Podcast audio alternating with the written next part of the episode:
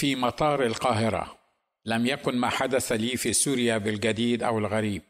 ففي مصر حدثت معي أمور تطن لها الآذان منها الطريف والظريف ومنها السخيف والمخيف كما قلت سابقا وهذه إحداها. قصة طريفة حدثت لي في مطار القاهرة حيث كنت مغادرا لمصر بعد زيارة من زيارات القصيرة لها. ونظرا للازدحام الشديد والانتظار أمام شباك ختم جوازات المغادرة في تلك الأيام وبدلا من التطلع في وجه ضابط الجوازات الذي بمجرد أن يراك مصريا يعاملك كأنك إرهابي شيطان وكأنه هو الإله الذي بيده مقاصير الأمور وبيده قرار إطلاقك من أرض الكنانة أو حبسك بها دون إبداء أسباب. الأمر الذي كنت ولا زلت أكرهه من كل قلبي. إذ في كل مرة كنت أترك فيها مصر أظل في حالة من التشويش والإضطراب والاكتئاب بعد رؤيتي لمثل هذه الوجوه وكنت بالتالي أجلد نفسي وأقول لها تستهلي لأنك بتحبي مصر وبتحني لها ومش قادرة تتخلي عن مصر وبترجعي لها في أول فرصة تغتنميها. هذا هو جزاء كل من يحتفظ بحبه لمصر من أبنائها بالخارج.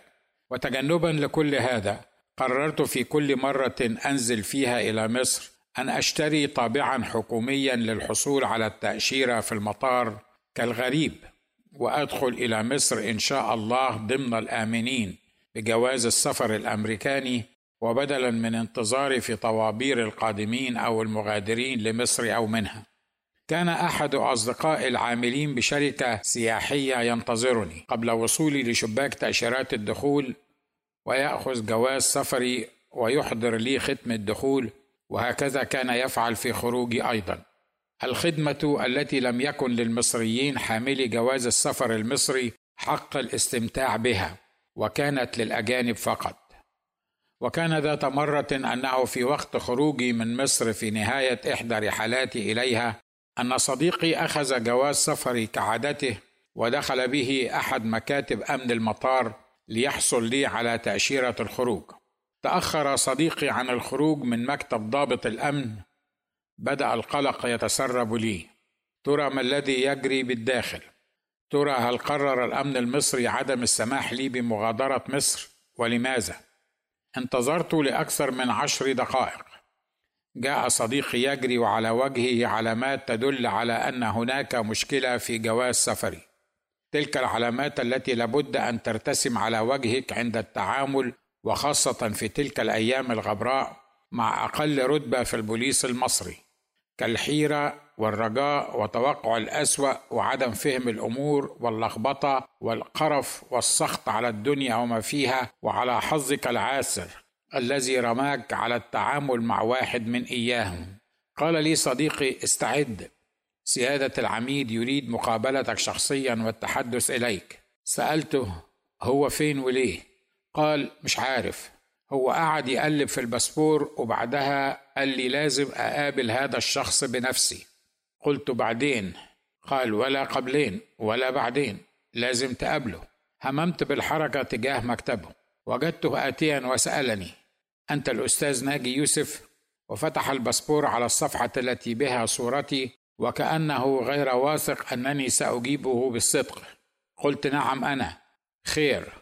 قال جواز سفرك أكبر من الجواز السفر الأمريكاني العادي بالضعف. فواضح أن أمريكا أعطت لك جواز سفر خاص غير كل الناس. ثانيا جواز سفرك مليان بأغرب تأشيرات دخول ممكن نشوفها في جواز أمريكاني. فأنت عندك تأشيرة دخول للسودان والعراق وليبيا وسوريا وتونس والجزائر وكلهم زرتهم. وما فيش تأشيرة واحدة لبلد ما فيهاش حرب أو مجاعة. لا عندك فيزا للكويت أو دبي أو أبو ظبي مثلا. فأنا محتاج تفسير لهذا الأمر قبل ما أتركك تغادر البلاد. ممكن تقول لي أنت بتشتغل إيه بالضبط؟ ابتسمت وقلت لهم. جواز سفري أكبر من الحجم الطبيعي لأني أسافر كثيرا وهذا إجراء عادي أن تعطي الحكومة الأمريكية جواز سفر يحتوي على ضعف عدد أوراق جواز السفر العادي لأي مسافر يستخدم جوازه كثيرا مثلي لأنهم في أمريكا والبلاد المتقدمة يحاولون تسهيل الأمور على مواطنيهم لا تعقيدها. نظر إلي فاهما ما قصدت ثم استطردت. أما مهنتي فهي متعلقة بالفقراء والمحتاجين والأقلية والمهمشين والمضطهدين في كل مكان في العالم لأني قسيس وخادم للمسيح ولذلك تجدني في أي مكان به حروب وقلاقل وفقر وإرهاب ولذلك لم أزر لا البحرين ولا أبو ظبي ولا واحدة من دول الخليج ولست أظن أنني سأفعل. نظر إلي الضابط وقال اذا نحن فخورون ونفتخر بك كمصريين. أجبته شكرا. ناولني جواز السفر وقال لي مع السلامة.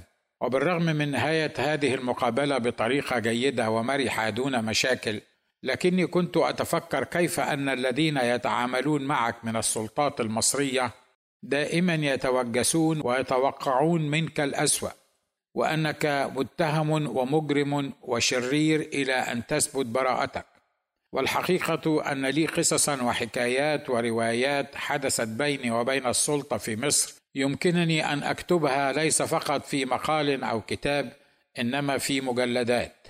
في إحدى رحلاتي لمصر وكنت قادما من الأردن الشقيق وقفت في طابور جوازات الدخول.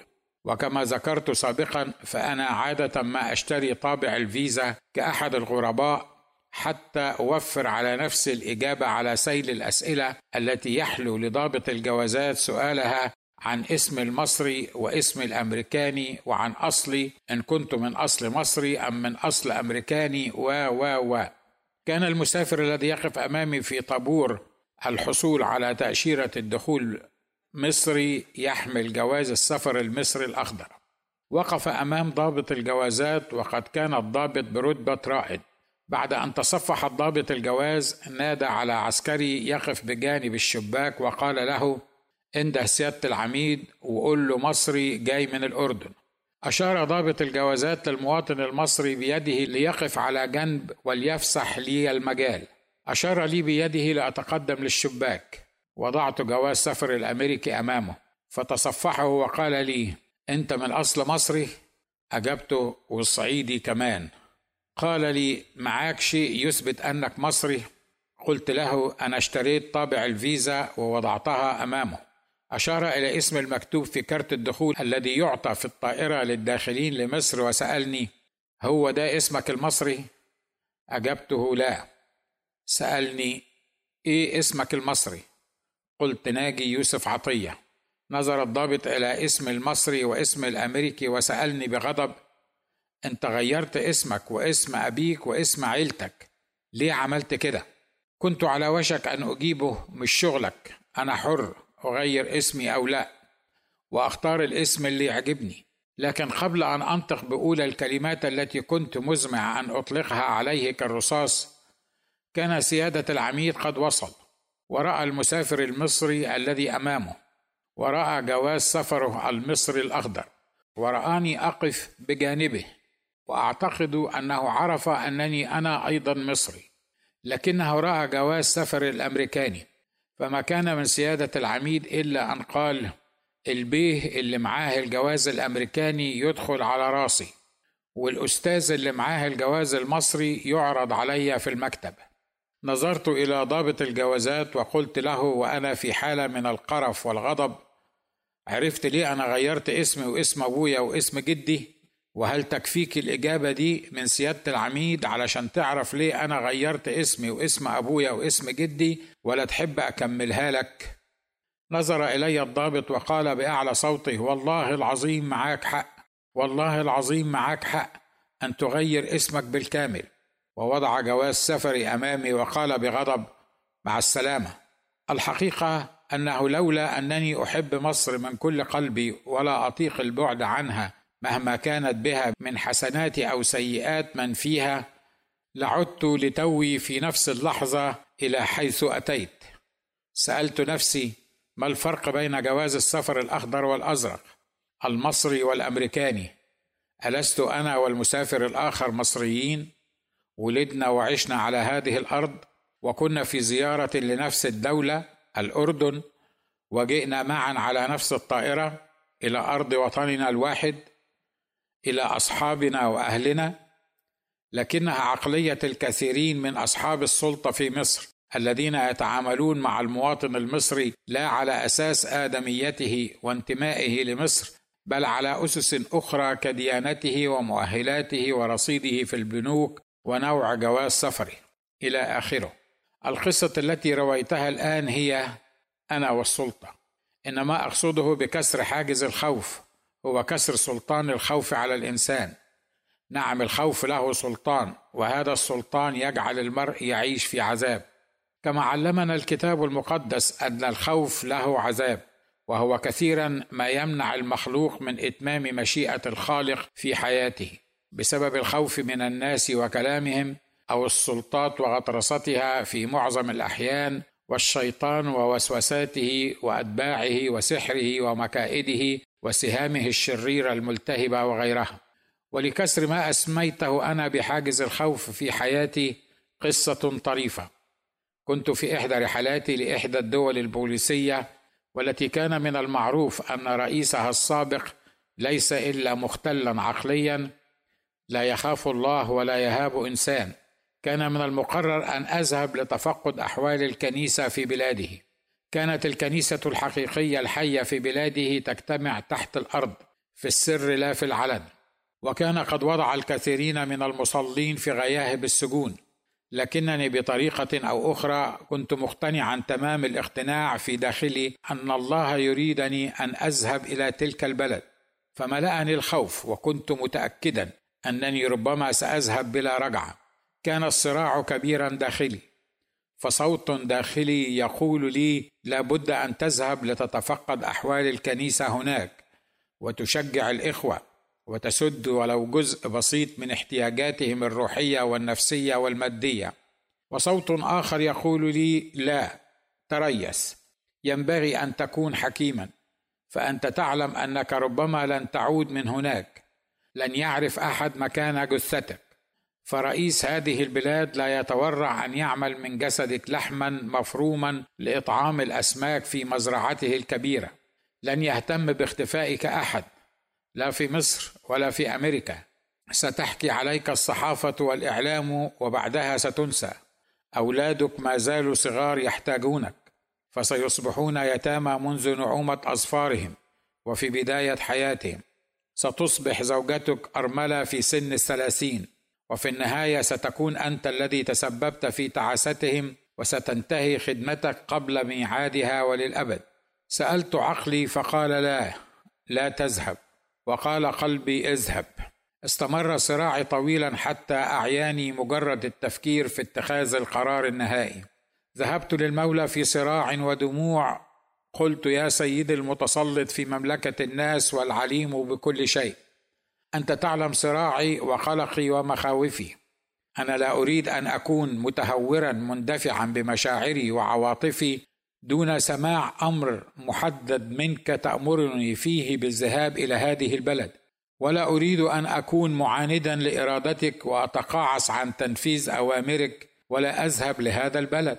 فالحياة بالنسبة لي هي أنت وطاعتك هي كل مقصدي. وعجزي عن اتخاذ قرار نهائي يتفق مع مشيئتك قد يؤدي إلى نهاية حياتي. أنا خائف ارشدني فأنت أعلم بي مني. بينما كنت أصلي بدموع وجدت صوتا داخليا يهمس في قلبي سائلا. هل تتذكر قصة بولس الرسول؟ عندما قرر أربعين يهودي سفاح متطرف أن يصوموا ولا يأكلوا حتى يقتلوه بسبب مناداته بالمسيح يسوع ربا ومخلصا. قلت نعم يا سيدي. قال الصوت. وهل استطاعوا أن يقتلوه؟ قلت لا يا سيدي. قال لماذا لم يستطيعوا أن يقتلوه؟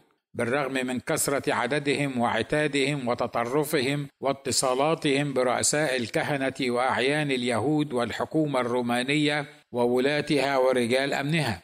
قلت أثق أنهم لم يقتلوه لأن ساعته لم تكن قد جاءت بعد ولأنك لم تسمح لهم بقتله لخطة وضعتها لحياته وأنك أنت وحدك الذي تحيي وتميت. قال اذا لا تخف لأني معك لا تتلفت لأني إلهك لن يقع بك أحد ليؤذيك ولن يكن لأحد عليك سلطان البتة إن لم يكن قد أعطي من فوق. منذ ذلك الحين وكلما حاول إبليس الحي القديم أن يخيفني من أي شيء في أي مكان وبأي صورة ما أسترجع ذلك الحديث القدسي الذي غير حياتي وأطلقني حرا من الخوف فيهرب الوسواس من أمامي.